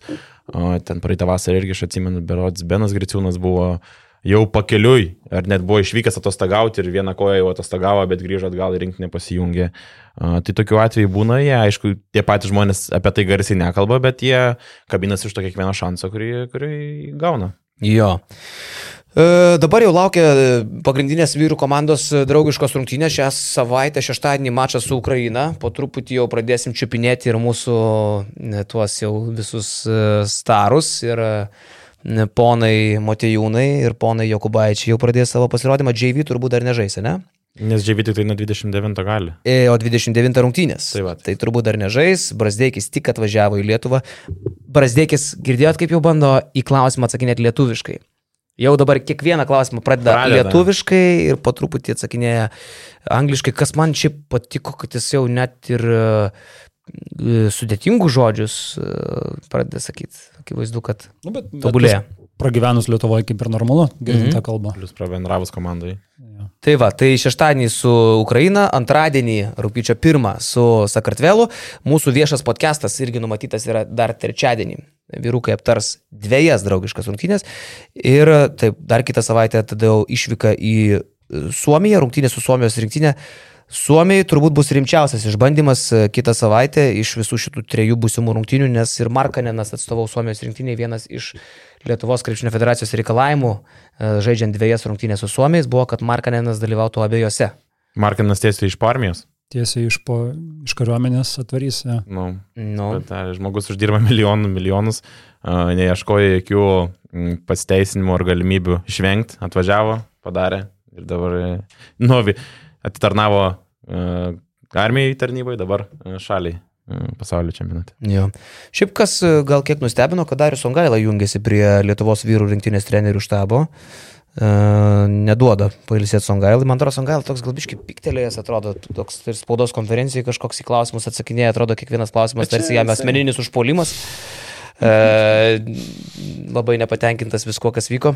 Arba, arba dar tiesiog. Spaudos konferencijoje Songaila. Arba dar tiesiog nemok, neišmoko jungti mandagesnio savęs, nes nu, čia, čia, jisai, toks... čia yra kažkiek Songailas bendravimo stilius. Jo, gal, gal dar neišmoko nežinau, gal, arba gal nepastebėjo, kad jau 23 metai atėjo, jau nebe tie 2008, žinai, kai visi čia siuntinėja vieni kitus kažkokiu tai nepagarba, žinai, ir tai yra normalu. Nu, nebėra normalu dariau, nu, ten tie klausimai geri, viskas ten buvo. Inčiūro, tarp kitko, kur ten gavos pragilų, man atrodo, už, palauk, apie Vembanijamą klausė Jankaitis. Yeah. Bet Inčiūros klausimai, e, kad ir jis ten truputį gali įsigandęs toks skamba ir sutrikęs visą laiką, bet labai geri, labai kokybiški klausimai. Aš pat vis galvoju, ateis ta diena, kai, tarkim, treneriai spaudos konferencijai pasakys ne maždaug, nu, tu matai rungtynės, o, pavyzdžiui, Bliamo, kaip tu gerai pažiūrėjai rungtynės, kad va, duos respekto, žinai, ne tai, kad geras klausimas, bet, tipo, maladėts, va čia tikrai stipru, šaunuolis. Ir tada atsakys gražiai klausimą. Taip ir turbūt nėra buvę. Čia toks, žinai, Jo labiau Darius, žinai, jisai NBA būna ir jisai, aš, nu, aišku, ten iš jo NBA nelabai kas interviu įma, nes jis tenais nėra toks svarbus, bet jau kur kur, bet NBA ir Amerikoje tų klausimų visokių ir visokiausių ir ne tik apie rungtynės gauna treneriai ir įvairiausiam temom jie yra kviečiami pasisakyti ir pasisako ir normaliai pasisako ir šitaip neatsišaudo, tai sakau, gal dar tiesiog neišmoko prisitaikyti prie šitos naujos rolės. Na, tai arogancija tokia lengva, arba tas toksai, kur tu užsidedi kaukę ir tarkim ten į klausimą, kaip vertinat Sirvidžio, Jogėlos ir ten Gedraičio pasijungimą prie pagrindinės komandos, jų galimybės. Ir tu tą klausimą atsakai, kad čia ne man klausimas, reikėtų klausti vyriausio trenerio. Nu, tau klausimas, tu lygiai taip pat supranti tą krepšinį, tu juos matei, čiupinėjai, žinai ir tą jų lygį, ir rinktinės lygį preliminariai, ir tu gali savo nuomonę pasakyti. Atsakymas ne man klausimas, tai toksai maždaug ir kirtis tam, kuris tau tą klausimą jo. uždavė. Toks, bet tai tuo pačiu ir toks lengvas, tu užsidedi uh, tokį apsisaugojimą tu saugaisi, tu šiek tiek gal jaudinėsi ar ten nepatenkintas esi ir, ir tada ta arogancija tampa tavo ginklu a, prieš jaudulį. Tu elementariai esi šiek tiek susijaudinęs, nekomfortiškai jautiesi ir taip toliau ir tada Tada taip nuskamba. Saugosi, kad ta nuomonė kažkaip nebūtų užaštrinta, ar, nežinau, net. Arba ne, ten išvelgi provokaciją, kur jos taip, nėra. Žinai, taip, nu, taip, taip. taip. Tai jis taip ir atsakė, ten labai politiškai, kad visiems kelias yra atviras, nu, tai žinai, nieko taip ir nepasakė realiai, tiesiog taip diplomatiškai. Bet tai kad, tai, kad jisai prisijungė prie vyrų rinktinės, aš manau ir jam pačiam labai gerai, dar daugiau patirties, dar daugiau pamatys ir tos rinktinės vidų, ir kaip dirba treneris Maksvytis, ir jisai pats neslėpia, kad kitais metais, jeigu tokia galimybė būtų ir jeigu rinktinė, daug dievė, turės šansų olimpiadai žaisti ar atrankoje kažkokioje, kad jam pačiam irgi būtų įdomu pabūti rinktinės trenerių štabe, tai aš manau, kad čia visom pusėm tik į naudą. Jis duos kažką žaidėjams, pats pasims iš trenerių daugiau, tai jeigu jis save mato kaip trenerį ateityje, tai čia tik, tik į naudą. Aš manau, kad čia super tokie žmonės laikyti prieš savęs, kurie dirba aukščiausiam lygiui. Ir man atrodo, pats Darius net sakykim, savo ateitį sieja ne Amerikoje, o grįžus kažkur į Europą. Jis planuoja. Nu, čia. nežinau, kai tu esi spars, tu esi... Nu, ateitį, nu, Grego kažkur, kažkur lygi, lygi pasiekus, jisai, manau, planuoja grįžti. Ne, tu, tu taip galvoji? Jeigu nemaišau, aš kažkur, man atrodo, dar sugirdėjau šitą. Galbūt, bet, žinai, NBA gauti asistento rolę ir taip partybų tokio bičio kaip Popovičius nėra paprasta ir jau jeigu tu turi tokią privilegiją, tu saugai tą vietą. Pažiūrėk, e, Barbičiukas, kur treniruos e, reaktorius, ne? Ja. Pamiršau vėl to serbo pavardę, jau žinau. E, reiškia, tai jisai kiek metų, ten 10-11, Kokoškovas irgi 10-11 asistentavo per N klubų. Darko Rajakovičius. Ir Rajakovičius, tai tu jau saugai savo tą vietą, jau tu jau gavęs ją saugai ir eini link to, kad galiausiai vieną dieną galbūt gautum vyriausio trenerio regalijas. Tai kažkaip aš sakau ir spėčiau, kad jau kol jisai galės būti NBA sistemoje, tai tolis ten ir bus. Nu įdomu, kaip ta karjeras klosis, aišku, tai koks tas kelias bus, žinoma, tai kito pirmojo labai ilgas būna. Nu. Ir... E, kad apie pasaulio čempionatą šnekam, gal aš dar visai pabaigai noriu pasakyti, kad prasideda rūpiučio mėno ir basket news jisai bus labai aktyvus. Beprotiškai daug video medžiagos, į, patį, patį pasaulio čempionatą mes siunčiam tris kolegas, taip ar du? Maniloj bus trys ir dar du bus kitose miestuose jau su komu dirbantis, tai viso penki žmonės. Mes čia Lietuvoje, kas pasiliekam, tai irgi varysim. Numatyta yra, aišku, per patį pasaulio čempionatą visą laiką live podcastai. Lukas Malinauskas vienas iš tų, kur važiuoja, darys video vlogus iš vietos. Turim ir idėją padaryti pasaulio čempionato draftus. Uh, sėdėsim čia. Labai gerai išvardint, ką darysim, kad jeigu kiti tą padarys, tai sakysim, kad nupizdinot idėją, ne? Uh, tai pasaulio čempionato draftai. Uh, Podcast'ą tada kitą nebedaro, tai jau ne dabar. nu, gali jeigu laivo daryt- daro, jeigu tai reiškia, daro, tai- tikrai kopijuoja. Jo. E, Patį pasaulio čempionatą pristatysim e, visais įmanomais rakursais, būdais ir taip toliau. Daug video medžiagos e, eis, tai mm, sekit Basket News, man atrodo, kad bus stipru iki pat rūpiučio 25. Ir dar kartą visus kviečiu į Olimpą kitą savaitę, trečiadienį, Homičius ir Kurtis apie viską, kas buvo ir viską, kas bus. Nu, dar visiškai pabaigai, kadangi pradėjom merginam, tai norėčiau ir pabaigti merginam tada. Uh, kaip ir Vilius Tenšauskas, 19-mečių treneris, užbaigė palinkėjimų merginam, kad uh, susirastų. Nes dabar yra tas laikotarpis, kai jos baigia vidurinės mokyklas ir yra ta pilkoji zona, kai merginas renkasi arba projektuoja toliau savo krepšinio karjerą, arba renkasi kitą kelią. Tai Vilius irgi palinkėjo, kad uh, reikia padaryti tos teisingus sprendimus, pakilti aukštesnį lygį, tas moterų B divizionas jau nebėra, galbūt šito mergaitėm tas, sakykime, tas, ta platforma, kur gali jos tobulėti ir, tem, ir temtis, reikia tų teisingų sprendimų ir aišku, įdomu dabar, ką čia darys su kibirkštim, nes kaip ir galiausiai federacijos įtarė su kibirkštim ir bus tas jų projektas bendras. Bet tai Grigas bet, atvažiuos. Bet, bet atvažiuos Grygas. Susitarė, atsiprašau. Pakišo Grygą galiausiai. Atvažiuoja Grygas ir aišku, ta mintis, kad rinktinės pagrindų burti klubinę komandą, uh, jinai, sakykim, kažkiek byra, nes realiai visos, mot, visas moterų rinktinės žaidėjas jau beveik pasirašysis kontraktus. Tai palauk, tik. Tai traukinys yra nuvažiavęs. Ir va šitą Tai kokio rinktinės pagrindo, jeigu jų nėra? Tai va tam esmė, tai tada, Grygas yra vienintelis iš moterų rinktinės. nu, kol kas taip, vienas, Fantastika. vienas žmogus e, pagal tą sustarimą, jie kaip ir šis gauna Grygą ir gauna tam paramos. Plus, e, ką jie darys toliau ir dabar čia buvo gintarė Petronytė labai e, sukritikavus kibirkštį ir kad teko girdėti kokias istorijas yra apie kibirkštį ir tiesiog neįtikėtina. Ką dar girdėjai? Kai buvo šita komanda vedama pastarį sezoną, nu tiesiog, nu net yra absurd, absurdas. Tai kalbėjai, arba nutilp Pavyzdžiui. Vienas iš tokių situacijų, kai komanda iš išvykos grįžta atskirai. Po šešis. Arba ten. jis- Kažkas su taksu. Ne, bet, nu, nes takso, Lietuvoj, bet-? Ne, jis iš užsienio, skrydžiai. Atskirai, per, per atskiras vietas. nu, Ten stoja, žinai. Nes, dėl ko priveda situacija, nes a, administracija suvėluoja nusipirkti bilietus. Ir neberanda vienam lėktuvui visai komandai vietos.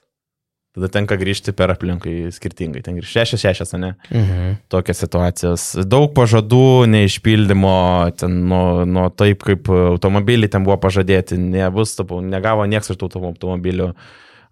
Kontraktai irgi pasirašomi tokie atviri, yra galimybė galbūt išsaugoti kažkas žadėjas, ne, nerodomas joks noras. A, Tai vien tai, kad su Petronytė nekalbėjo niekas Tai čia ir kitomis visą ir gintarė žiauriai norėjo. Liepos vidurio, ne? Taip, taip, taip. Siaubas. Tai viena va iš merginų, Kur kuri žmonės jau apie kontrakto pratesimą pradeda kalbėti vasarį, kovą. Sezono pabaigoje, Sezono sezono vidury tu projektuok, esi Su, tas žmogum, su tas- žmogum, kuris yra didžiausia Lietuvos moterų krepšinio figūra. Ir tu gali paskutinius turėt. dešimt metų. Ir jinai čia nori būti Ir jinai norėjo čia baigti karjerą. Ir Šiaip dabar, tai košmaras iš ir, tikrųjų. ne- iš, Fuck you. aš, ir aš neįtikėtina, man yra, sakau, tų istorijų va tokių, kur tu galvoji, kodėl tai vyksta ir kaip taip įmanoma. Ar tie žmonės, kurie dirba toj administracijoje, kaip jie tą klubą gali privesti prie tokių, sakykim, padėčių, kai net, ten, nu, absoliuti krizė viduj, emocinė. Kaip yra tas klubas vedamas ir galvoju, ar tai nekompetencijos klausimas, ar tai yra kelių darbų apsiemimo klausimas ir tu nebespėjai sužiūrėti visko. Nu, Tai- trūksta žmonių gal ir trūksta kompetitingų ten žmonių pirmiausia. Vieno, dviejų žmonių yra reikalas, žinai. Ypatingai ten kalbama apie, tos, apie tą vieną vadovą, direktorių, kuris niekaip nesugebėjo ten paskambinti tai pačiai Kas čia gintarė. toks? Gitšikis, kuris buvo. Pirmą kartą girdžiu. Tai jūs metrots kalbėt prie tam podcast'e, ne? A, Apie Gitšikį. Tai va, tai esmė tame, kad, nu, kai gintarė buvo Čia yra pasiryžus... Gyčio Viliaus ir Arturo Šūkio netikras brolis. Aha, Tai kai gintarė buvo pasiryžus likti Lietuvoje ir e, užbaigti karjerą ir padėti nuo savęs, e, kiek gali, tam skatinti mergaitės rinktis tą krepšinį, tai labai gaila ir plus e, moterų krepšinė bendruomenė yra nusivylus, kiek suprantu, šitą federaciją dabar. Kas buvo žadama, kaip bus daroma, kaip bus galima tą rinkinį susiburti ir dėti pamatą ateičiai, taip niekas nebuvo išpildyta. dabar čia prie ko čia federacija šitoje situacijoje? Nes šitoje situacijoje federacija jau pernai planavo daryti tą sustarimą su kibirkštim, bet jis nepavyko. Ir kaip pavyzdys, dabar tu susitari, bet ką tu gausi iš to sustarimo, jeigu, tu, kaip sakai, Grygas ateis vyr trenerio poziciją, bet už žaidėjų tai nebus. Tai reikėjo daryti anksčiau, reikėjo nuo gegužės sėsti prie stalo ir kalbėtis ir būt, palaikyti pulsą ant to, kas vyksta kibirkšti. Čia turiu menį, federacija turėjo palaikyti pulsą ir kalbintis tą žaidėjas, o ne dabar kai sustarta ir tas sutarimas bus turbūt artimiausią savaitę praneštas, rūpiučio mėnesį pradėti lydyti komandą. O ir šiaip, kaip jaustis, pavyzdžiui, e, tam pačiam Gytautui Kievinui? Neįsivaizduoju. Kibirkštis nežaidė blogai. Ne, turėjo realiai superinį sezoną. Tai yra, Ta prasme, kai buvo vedamas ūkis ir kokie buvo rezultatai, tai yra kaip jaustis treneriui, kuris yra nuimamas dėl vėl nežino ko, tik tam, kad federacija įbrūktų grygą. Kibirkštis jį ima tik todėl, kad federacija, jeigu tom senesniem sąlygom, kurios buvo siūlytos prieš praėjusį sezoną, tai federacija apmoka jo atlyginimą ir dar kažkiek pinigėlių lieka kibrikščiai. Bet ta suma maža. Kas lieka apmokėjus? Ne, ne, dabar lieka normaliai. Padidėjo dabar? Kiek jo, dabar federacija duos? 200. 200. Tai toks ir buvo planas. Jo, o... Ai, 100 plus Griga. Ne, 100 ir Griga. Tai tiek ir buvo praeitą kartą. Jo, bet iš to 100 ne, ne 70 ten bus. Mažiau dabar Grigui. Per pus mažiau. Ai, nu tai jau tada jaučiasi. Moterų krepšinį 60 ten taip. gabalų yra pinigai. Jo, jo, jo. Bet tai tu nebeturi gerai, tai nebeliko Petronytės, ne? Uh, dabar... Tai iš to pagrindo realiai Gabrielė turbūt Šulskė, kas gali būti. Nes va, pavyzdys vėl, ne?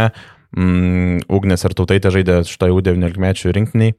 Ir, ir, ir irgi sako, laukiau kurį laiką, nes kaip iš tai lošia pastaros dvi sezonų darius ir Tauta dukra. Taip, taip, žinau. Ir uh, kurį laiką jinai laukia. Simas ir tautos sesė. Man, daug žinai. Ir taip pat Jonas ir tauta. Tu Simas ir tauta susižadėjo, man nesvarbu. Taip. Na nu, gerai, čia. Bet esmė, kad irgi. Prašau prie arenos. Taip. 19 mečių vėl. Buvo užrašas ar tekės už manęs kristė. Nu, tes. Taip? Jo. Wow. Tai Lederis, taip. Man įdomu, iš savivaldybės šiaip nesvarbu, tes. Tai esmė tame, kad e, viena iš U19 rinktinės lyderių, uh, priekinė linija, jinai penktoje žaidžia pozicijai, tai laukia irgi, bet kol laukia ir kol kibirkštis mąstė prieiti prie žaidėjų, jinai jau sustarus ir išvažiuoja į užsienį. Tai viena iš tų perspektyvių žmonių, e, perspektyvių žaidėjų, kurie ga, būtų galima laikyti čia, susisaistyti ilgam ir daryti tą pagrindą, nes tai šita karta yra Lietuvos moterų rinkinės ateitis. Jie dedama didelės, e, didelį lūkesčiai. Kitais metais organizuojamas U20 čempionatas Lietuvoje. Šiemet organizuojamas irgi, beje, šią savaitę startuoja Klaipėda ir Vilniui U20 merginų čempionatas. Bet tu žinai. Ir esmė, ir Eurobasketas yra planuojamas rengti Lietuvoje 25-27. Tai tos pastangos iš LKF yra dedamas, bet nėra to pradinio taško, nuo kurio atsispirtų. Toks bardakėlio, jau tai tam ir esmė. Ir, ir, ir kaip ir žalė sakau, dėl ko moterų bendruomenė yra, moterų kaip šiandien bendruomenė yra nusivylusi, dėl to, kad kaip ir yra tos pastangos, Eurobasketai, bla, bla, bla, darome Lietuvoje, bet nėra tų pažadų, nuo ko būtų galima atsispirti, daryti tą rinktinę ant kibirkšties ir tada auginti ją, bet kad, nu, chaosas absoliučiai vyksta ir aš nežinau, ką iš vis bus galima gauti va iš tos artėjančios kibirkšties komandos, ką pavyks prisikalbinti, kokius vardus, nes kas girdis, sakau, didžioji dalis tos pagrindinės moterų rinkinės žaidėjų yra sustarusios, jau išvyksta kitur, Uh, tu prarandi dar gintarę galų gale, lygioj vietoje, kur... Ir tu prarandi gintarę, kuri išeidama, dar jau sėsdama į mašiną ir nuvažiuodama, dar apriekia tave apskalį nes... ant visų, kitaip sakant, ir rėmėjam... Išpila kibiriuką. Išpila kibiriuką ir rėmėjam potencialiem. Iš, iš karto toksai, gal ten ne viskas gerai, kam aš turiu remti komandą, kuri ką tik buvo išvadinta neprofesionalia ir padėjusią skersą ant Lietuvos rinktinės geriausių žaidėjų.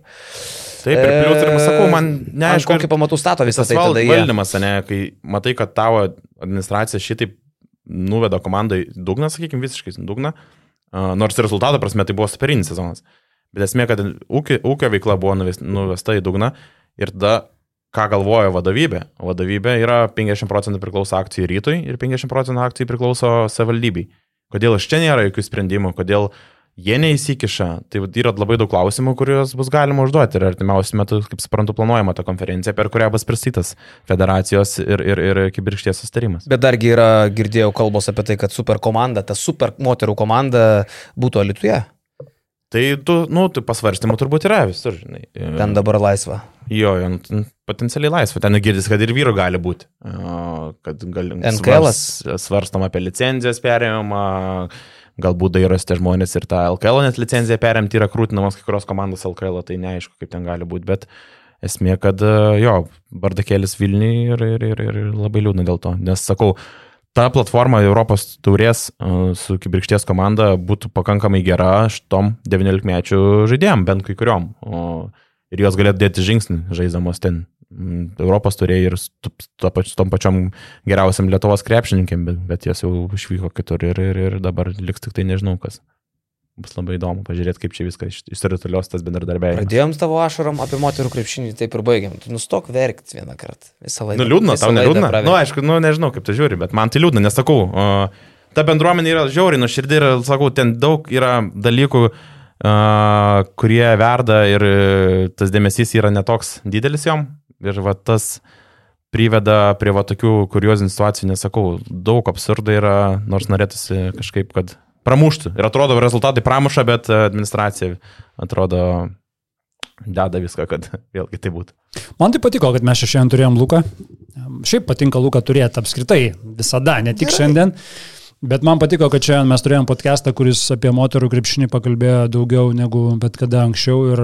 Per sezoną ne, tiek nepakalbam turbūt. Jo, ir buvo aišku ta proga ir U19, kur sakau, ten turbūt nereikia didžiulio daryti kažkokio tai iš to didžiulių baimių ar panašiai, tik tai laikom čiūrus dėl justės, bet dėl moterų klubinio krepšinio, dėl kibrišties komandos, tai iš tikrųjų klausimų daug ir nelabai tie klausimai smagus, bet dar kartą pasikartosiu, smagu, kad Lukas apie tai pakalbėjo. Jo, ar sakau, 20, už keturių dienų prasideda Klaipėda Vilnius.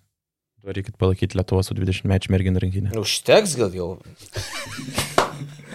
Klausyk, Dončičius 118 sveria. Čia, o kiek tu? Čia šokė aš. 7-5. Ūgis? Nesvarbu. Kokiais penkiais per daug, ne, irgi septyniais. Gerai. Visą.